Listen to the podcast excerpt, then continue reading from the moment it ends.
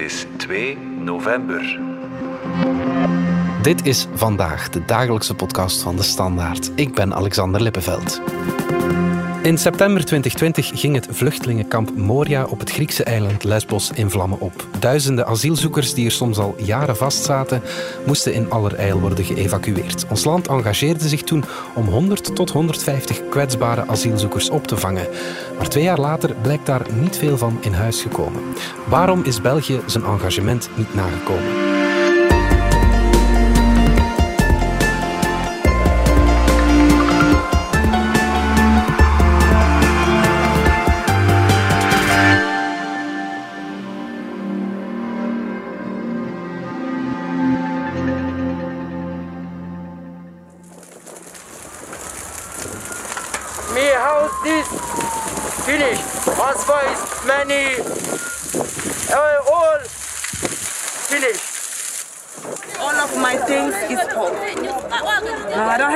Have anything, like clothes, like nothing. I don't have anything in my house.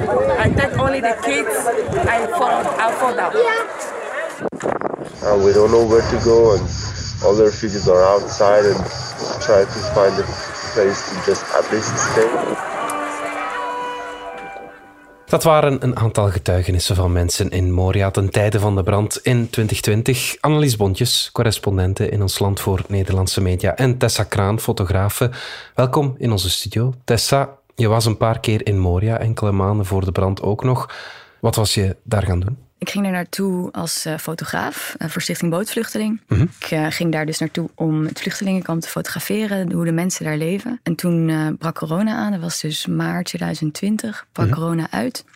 En um, toen kreeg iedereen de kans om te blijven of weg te gaan. En als je dan zou blijven, dan zou er een grote kans zijn dat je maandenlang op het eiland natuurlijk vast zat. Ja. En toen ben ik gebleven en heb ik er dus die vier en een halve maand vastgelegd uh, wat er daar afspeelde. Beschrijf eens wat de omstandigheden in dat kamp waren toen. Ja, um, dus Moria, vluchtelingenkamp, was het grootste vluchtelingenkamp van Europa. Uh, waar 20.000 mensen woonden op het hoogtepunt. Uh, die mensen komen aan vanaf Turkije met bootjes. komen daar eigenlijk vast te zitten omdat het heel erg lang duurt om die asielaanvragen te behandelen van mensen. Dus mensen zaten daar maanden, soms wel jaren vast. Dus ja, in kamp... slechte omstandigheden kan ik me inbeelden ook. Hè? In slechte omstandigheden inderdaad. Het kamp mm -hmm. was eigenlijk voor 4000 mensen okay. bedoeld. Dat is uitgedijd tot in helemaal de olijfgaarden die ernaast liggen. Ja. Kleine hutjes die er zijn gebouwd. Eigenlijk een soort van mini-stad die daar is ontstaan. Met kleine zelfgebouwde hutjes, kleine straatjes er doorheen. Ja. Maar ook wel bijvoorbeeld met bakkerijen en winkeltjes, groentewinkeltjes. Ja. Um, etenswinkeltjes. Dus er begon ook eigenlijk een soort van economie daar te ontstaan. Omdat mensen ook wel willen leven natuurlijk. Ja. Maar inderdaad echt wel met minimale voorzieningen uh, om te leven. Dus uh, er waren daar een paar waterpunten. En die waterpunten die werkten eigenlijk maar voor een paar uur per dag. Mm. En ook lange rijen voor de douches bijvoorbeeld.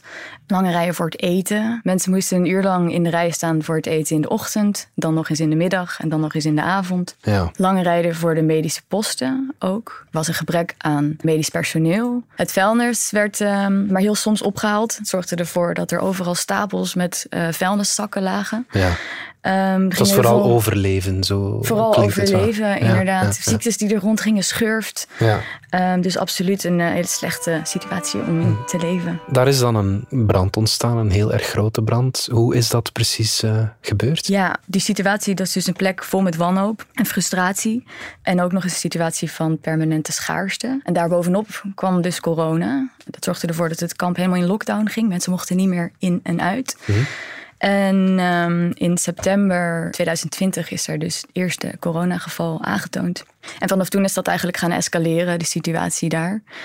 Er was heel veel onzekerheid. Wat gebeurt er als je corona hebt? Hoe bescherm je je daarvoor? Mm. Ik heb mensen gehoord die vertelden dat als corona in het kamp komt, dan zullen we allemaal sterven. Heel veel onzekerheid, weinig informatieverschaffing. En op het moment dat corona toen echt het kamp bereikte, werden mensen geïsoleerd die dat hadden. Waardoor er dus ook families uit elkaar werden getrokken. En daar was voornamelijk heel veel woede en onbegrip voor, voordat dat gebeurde. Ja. En uiteindelijk op de avond van 8 september is daar een rel ontstaan. Waar dan een brand uit is ontstaan. Die dus in twee dagen het hele kamp plat heeft gebrand. Mm-hmm. Het was lang niet het eerste incident. Het was misschien wel een soort van, om het cru te stellen, een accident waiting to happen, denk ik. Hè? Uh, ja, inderdaad. Um, zoals iemand die wij ook hebben geïnterviewd ook uitlegde dat Moria uh, eigenlijk al veel langer smulde. Er zijn al eerder branden geweest. Dat was niet iets wat nooit voorkwam. Mm -hmm. Als je zoveel kleine huisjes natuurlijk van hout op elkaar in de droge Griekse zomer, dan uh, is dat natuurlijk helemaal niet brandveilig. Mm -hmm. In de maanden voor het eerste coronageval waren er ook heel veel protesten al in het kamp van verschillende gemeenschappen. You go toilet. You go EASO. You go market. Everything. Ah, corona. Ah, corona. Die protesteerden tegen de leefomstandigheden en het feit dat ze zich gewoon niet tegen corona konden beschermen. Je hebt ook gesproken met mensen die de brand van dichtbij ja, beleefd hebben, zeg maar. Hoe hebben ze dat ervaren? We hebben veel gesproken met Ahmed. Uh, hij was een vrijwilliger in het kamp, zelf uit Syrië gevlucht. Ahmed is overigens niet zijn echte naam. Uh, hij wilde dat niet mm. uh, onder zijn echte naam doen, omdat hij bang is dat dan zijn asielprocedure in gevaar komt. Hij mm. heeft asiel nu mm. en hij was in 2020 vrijwilliger voor een medische organisatie. Hij was er ook bij toen die brand uitbrak. En wat hij daarover vertelde, was het eerste wat hij zei, was die rode lucht, overal rood. En mensen die zo snel mogelijk de plek willen verlaten. Ja. Mensen die uh, zo snel mogelijk wegvluchten met alles wat ze nog hadden. Kinderen op hun schouders en uh, paniek op de gezichten, zo snel mogelijk weggaan van de plek. Weten we wat de oorzaak is van die brand, hoe die is ontstaan? Een week na, of nog geen week na het uitbreken van de brand heeft de minister van Migratie, de Griekse minister van Migratie, Notis Mitarakis, op CNN verklaard dat de zes aanstichters van de brand Afghaanse jongens zijn opgepakt. Ze zijn een jaar later veroordeeld tot tien jaar cel voor het aanstichten van die brand. Mm. En dat is wel een rechtszaak geweest waarvan mensenrechtenorganisaties en advocaten hebben gezegd dat het wel een showproces is geweest. Waarin onder andere de hoofdgetuige, die die zes jongens heeft aangewezen, niet aanwezig was. Die rechtszaak die heb ik zelf proberen bij te wonen. We mochten daar naar binnen als journalisten. Althans, dat werd ons gezegd in het begin. Mm -hmm. uh, we zijn er naar binnen gegaan. We hebben daar letterlijk uh, tien seconden voet binnen mogen zetten. En toen zijn we daar alweer uitgezet door de rechter. In Europa, Annelies, werd met afschuw gereageerd op de brand en verschillende landen toonden zich solidair om asielzoekers uit Moria op te vangen. Ook ons land, maar België was eerst nogal terughoudend. Hè? Waarom? Ja, nou dat heeft eigenlijk alles te maken, als je dat een beetje wil begrijpen, met, uh, ja, met Europese regelgeving. Uh, namelijk de reden dat er zoveel vluchtelingen op dat moment in Moria waren, uh, is eigenlijk Europa. Uh, dat heeft ermee te maken met een bepaalde wet, de zogenaamde Dublin-verordening. En dat betekent dat asielzoekers in het land waar ze Europa binnenkomen asiel moeten aanvragen. Volgens die wet uh, worden dus de landen die, die, aan de grenzen van Europa zijn veel meer belast met asielzoekers. En daarom was het kamp ook zo vol. Ja. Dus door Europa zaten die asielzoekers daar en zaten zo lang vast. Dus ze konden nu ook niet meer wegkijken. Aanvankelijk stelde België zich terughoudend op, maar toen andere landen wel engagementen aangingen en toen de maatschappelijke druk en ook de druk van NGO's steeds meer toenam, uh, zwichtte uiteindelijk de toenmalige staatssecretaris Maggie de Blok. En um, zij zei toen toe om 100 tot 150 kwetsbare asielzoekers uit Moria op te halen. Ja. En dat zouden dan voornamelijk vrouwen en gezinnen zijn. Dat was natuurlijk een klein aantal. Op dat moment zaten er ongeveer 14.000 mensen in het kamp. Waarom niet meer dan 150? België is een voorstander van het fair share principe. Dat heeft ermee te maken dat ze vinden dat elk Europees land een eerlijke bijdrage moet leveren aan de opvang van asielzoekers. Hm. Op basis van uh, het BBP, het bevolkingsaantal of het aantal asielvragen dat een land al heeft. Hm. Nou ja, als je dat percentage zou berekenen voor België, zou je op ongeveer 3% uitkomen. Um, 3% asielzoekers die ze zouden moeten opnemen. En dan kom je bij die 150 uit ongeveer. Wij zijn nu twee jaar later. Jullie hebben uitgezocht dat van dat engagement van die 150, dat daar niet veel van in huis gekomen is. Blijkbaar. Nee, zo kun je dat wel stellen. Oké, okay, ja. leg eens uit. Ja, wij vroegen ons af wat daarvan terecht is gekomen. Uh, Uiteindelijk zijn er in totaal 43 mensen naar België overgebracht uit het kamp in Moria. Hm. Um, geplande relocaties, zo, uh, zo heten die overdragingen in oktober en november 2021, gingen niet meer door. En de reden daarvoor was de opvangcrisis. Er was hm. geen bed voor deze mensen. Hm. Er werd nog één uitzondering gemaakt voor een familie van zes dit jaar vanwege medische redenen, maar dat was het. Dus in deze zaak Moria kan je heel goed zien dat de huidige opvangcrisis ook internationaal gevolgen heeft. Maar ook voor de opvangcrisis was ons land blijkbaar ook al heel kieskeurig hè, in wie er mocht komen? Ja, dat heeft er voor een deel mee te maken dat België uh, een aantal voorwaarden stelde voor opvang. Dus ze zeiden niet, we gaan 150 uh, vluchtelingen uit Moria opnemen, maar het moest gaan om kwetsbare asielzoekers. Mm -hmm. En er waren er verschillende criteria om te bepalen of iemand zo'n kwetsbare asielzoeker was.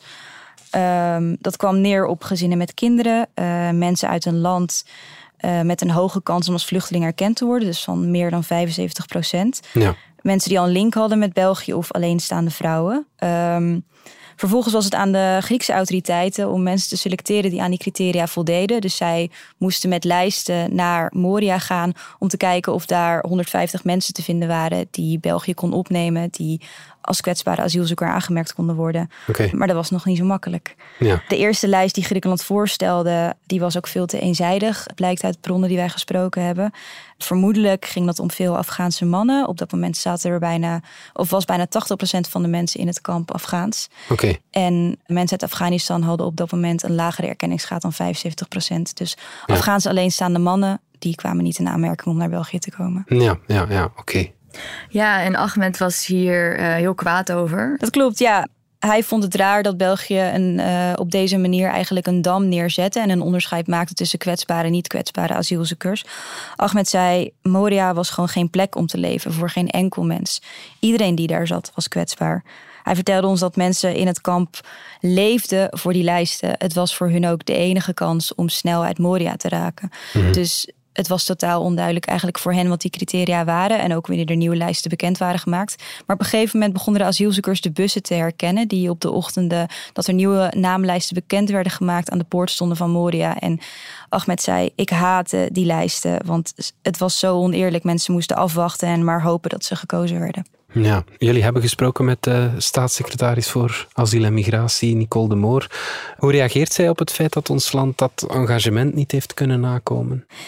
Ja, nou, zij vertelde dat een van de hoofdredenen was dat de samenwerking met uh, Griekse autoriteiten en Europese instanties zeer moeizaam verliep. Mhm. Dus dan bedoelt ze ook dat het moeilijk was om die kwetsbare asielzoekers te vinden, wat ik net heb verteld. Mhm. Er waren te weinig geschikte profielen, zoals dat dan werd genoemd. En daardoor werden bijvoorbeeld ook mensen aangedragen die al op het vasteland waren of al langer in opvangstructuren zaten en niet in aanmerking kwamen. En daarbij komt dat België in het algemeen geen voorstander is van dit soort relocaties, omdat ze dus niet snel genoeg werken volgens de Moor. Mhm. Maar wij spraken met Ahmed en andere mensen die daar als vrijwilliger in het kamp hebben gezeten. En zij zeiden ook ver na de brand waren er nog heel veel kwetsbare mensen in Moria. Ahmed die werkte voor een vrijwillige organisatie en hij zei dat hij een patiëntendossier had met 800 chronisch zieken die na de brand nog steeds in Moria verbleven. Dus hij stelde er zijn vraagtekens bij dat die mensen niet gevonden konden worden. Ja. En daarbij vindt de Moor ook dat solidariteit uit meer bestaat dan enkel het ophalen van asielzoekers. Zo investeert België bijvoorbeeld al jarenlang in Europese fondsen ten behoeve van het verbeteren van de opvangcentra in Griekenland. België heeft bijvoorbeeld ook expertise naar Moria op dat moment gestuurd. Dat zijn asieldeskundigen of architecten. Dus de Moor zegt we dragen op veel meer manieren bij. Dus het solidariteitsprincipe moet je niet alleen maar kijken naar die 150 mensen, maar dat moet je eigenlijk veel breder aanvliegen. Oké. Okay. We gaan er even uit voor reclame.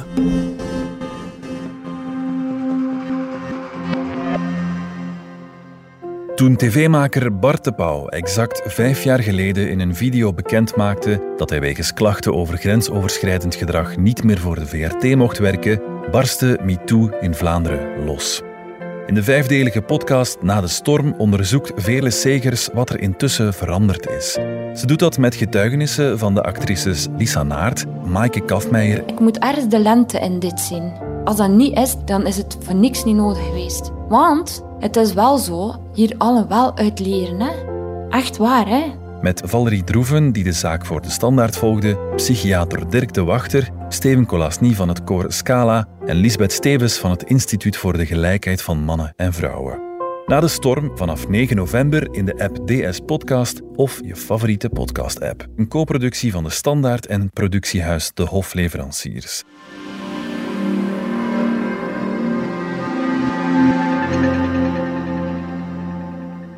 Terug naar Moria dan. Tessa, twee weken na de brand in het vluchtelingenkamp. Ben je er terug geweest? Wat heb je daar toen gezien? Ja, ik kwam aan op de dag dat mensen net het nieuwe kamp binnentrokken. Mhm. De voorgaande twee weken hadden mensen op uh, straat geslapen. En er is toen in een hele korte tijd een heel nieuw vluchtelingenkamp uit de grond gestampt. Toen mensen daar binnenkwamen, merkten ze al heel snel dat daar ook de voorzieningen minimaal waren. Mhm. Er waren een aantal waterpunten, maar geen warm water. Dus mensen konden niet douchen. Er waren alleen maar van die chemische Dixie-toiletten. Mhm. Mensen sliepen in tenten, witte canvas tenten, maar die moesten ze delen met twee families. Mhm. En het kamp was pal aan de zee gebouwd. Dus was heel erg onderhevig aan de weersomstandigheden. Ja, ja. Het kamp was ook omringd met een grote muur, groot hek met prikkeldraad erop. En mensen mochten niet vrij in en uit het kamp lopen. Dus ze kregen een aantal keer per week, een paar uur, dat ze naar buiten konden. Wat heel veel doet natuurlijk voor mensen. Het is best wel belangrijk om je af en toe uit de vluchtelingensituatie te kunnen onttrekken. En boodschappen te gaan doen, even naar de stad te gaan. En dat wordt mensen ontnomen. Er was veel meer controle ook. Er vliegen drones over dat kamp om mensen te controleren. En mensen die bij NGO's werken, mogen geen foto's meer daar maken. Dus het is veel meer gecontroleerd dan dat andere kamp. Een verbeteringspunt wat me- mensen wel zeiden, is dat het er wat veiliger was. Ja. Er waren iets minder gevechten dan het oude kamp. Dus in Moria waren er wel veel gevechten. Dus door die frustratie die er was, en dat was minder. Ook waren er minder lange rijen bij de medische post. Maar een belangrijk punt is de teleurstelling die mensen ook ervaarden op een bepaalde manier. Er was natuurlijk verdriet over het verlies van spullen.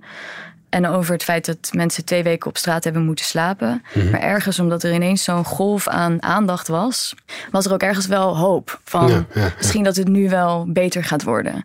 En die teleurstelling die heb ik bij heel veel mensen gehoord. Ehm, we zitten eigenlijk weer in de, in de slechte situatie, die eigenlijk nog wel slechter is dan het vorige, zeiden mensen. Ja, ja, ja.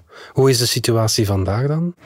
beter. Ik heb Ahmed daarover gesproken, want ik ben er zelf al een jaar niet meer geweest. Mhm. Ahmed vertelde dat het er beter is, maar voornamelijk omdat er nu nog maar 2000 mensen zitten in dat kamp. Dat is natuurlijk een significant verschil met de 12.000 die daar naar binnen gingen. Mhm. Waardoor de wachtrijen ook voor eten minder lang zijn. Maar ook de voorzieningen zijn beter. Dus de toiletten zijn nu wel aangesloten aan de riolering. Mensen kunnen wel warm douchen. En er zijn meer permanentere woonstructuren gebouwd. Minder tenten, meer ISO-boxes, zoals dat wordt genoemd. Ja. Dat neemt natuurlijk niet weg hoe zwaar het is voor mensen om nog steeds maandenlang in zo'n kamp vast te zitten. Mhm. Totaal overgeleverd eigenlijk aan een staat die over jouw leven gaat beslissen of je wel of niet mag blijven. Die wachttijden, vertelde Ahmed, zijn ook verkort. Dus het is niet meer dat mensen standaard een jaar of jaren daar zitten. Maar wel nog steeds maandenlang. Die wachttijden zijn overigens door heel Griekenland verkort. Dus daar is een versnelling in gekomen. Maar er zijn nog wel nog steeds heel veel mensen die afwijzingen krijgen. Die telkens maar weer in beroep gaan en in beroep gaan. Het zijn mensen die ook uit oorlogsgebieden komen, waarvan bijvoorbeeld Turkije als eh, veilig land wordt beschouwd. Dus die dan eigenlijk naar Turkije zouden moeten. Of mensen die om andere redenen niet terug kunnen en niet terug willen. Die daar telkens maar weer in beroep gaan en daar maar blijven en blijven en blijven. Dus er zijn nog wel degelijk mensen die daar jaren spenderen, vertelt hij. Dan kun je ook wel je afvragen over deze relocaties, die dus zijn uitgevoerd door België. Om dan te kiezen voor die mensen die oh, sowieso al die hoge herkenningsgraad hebben. Dan kun je je afvragen, help je Griekenland daar nou eigenlijk mee? Ja. Om juist de makkelijkste cases over te nemen. Ja. Terwijl die cases die eh, veel tijd vergen en veel aandacht vergen, daar allemaal wel blijven. Mhm. We luisteren even naar EU-commissaris Ilva Johansson. En die zei twee weken na de brand: No more Morias. have uh, no more camps like Moria. I think that's very obvious. What we need is swifter and more efficient procedures. Ja, geen Morias meer, Tessa, maar eh, het is er wel nog steeds. Hè? Ja, de mensen die daar de eerste maanden nadat het nieuwe kamp is opgezet woonden, die zeiden inderdaad wel anders.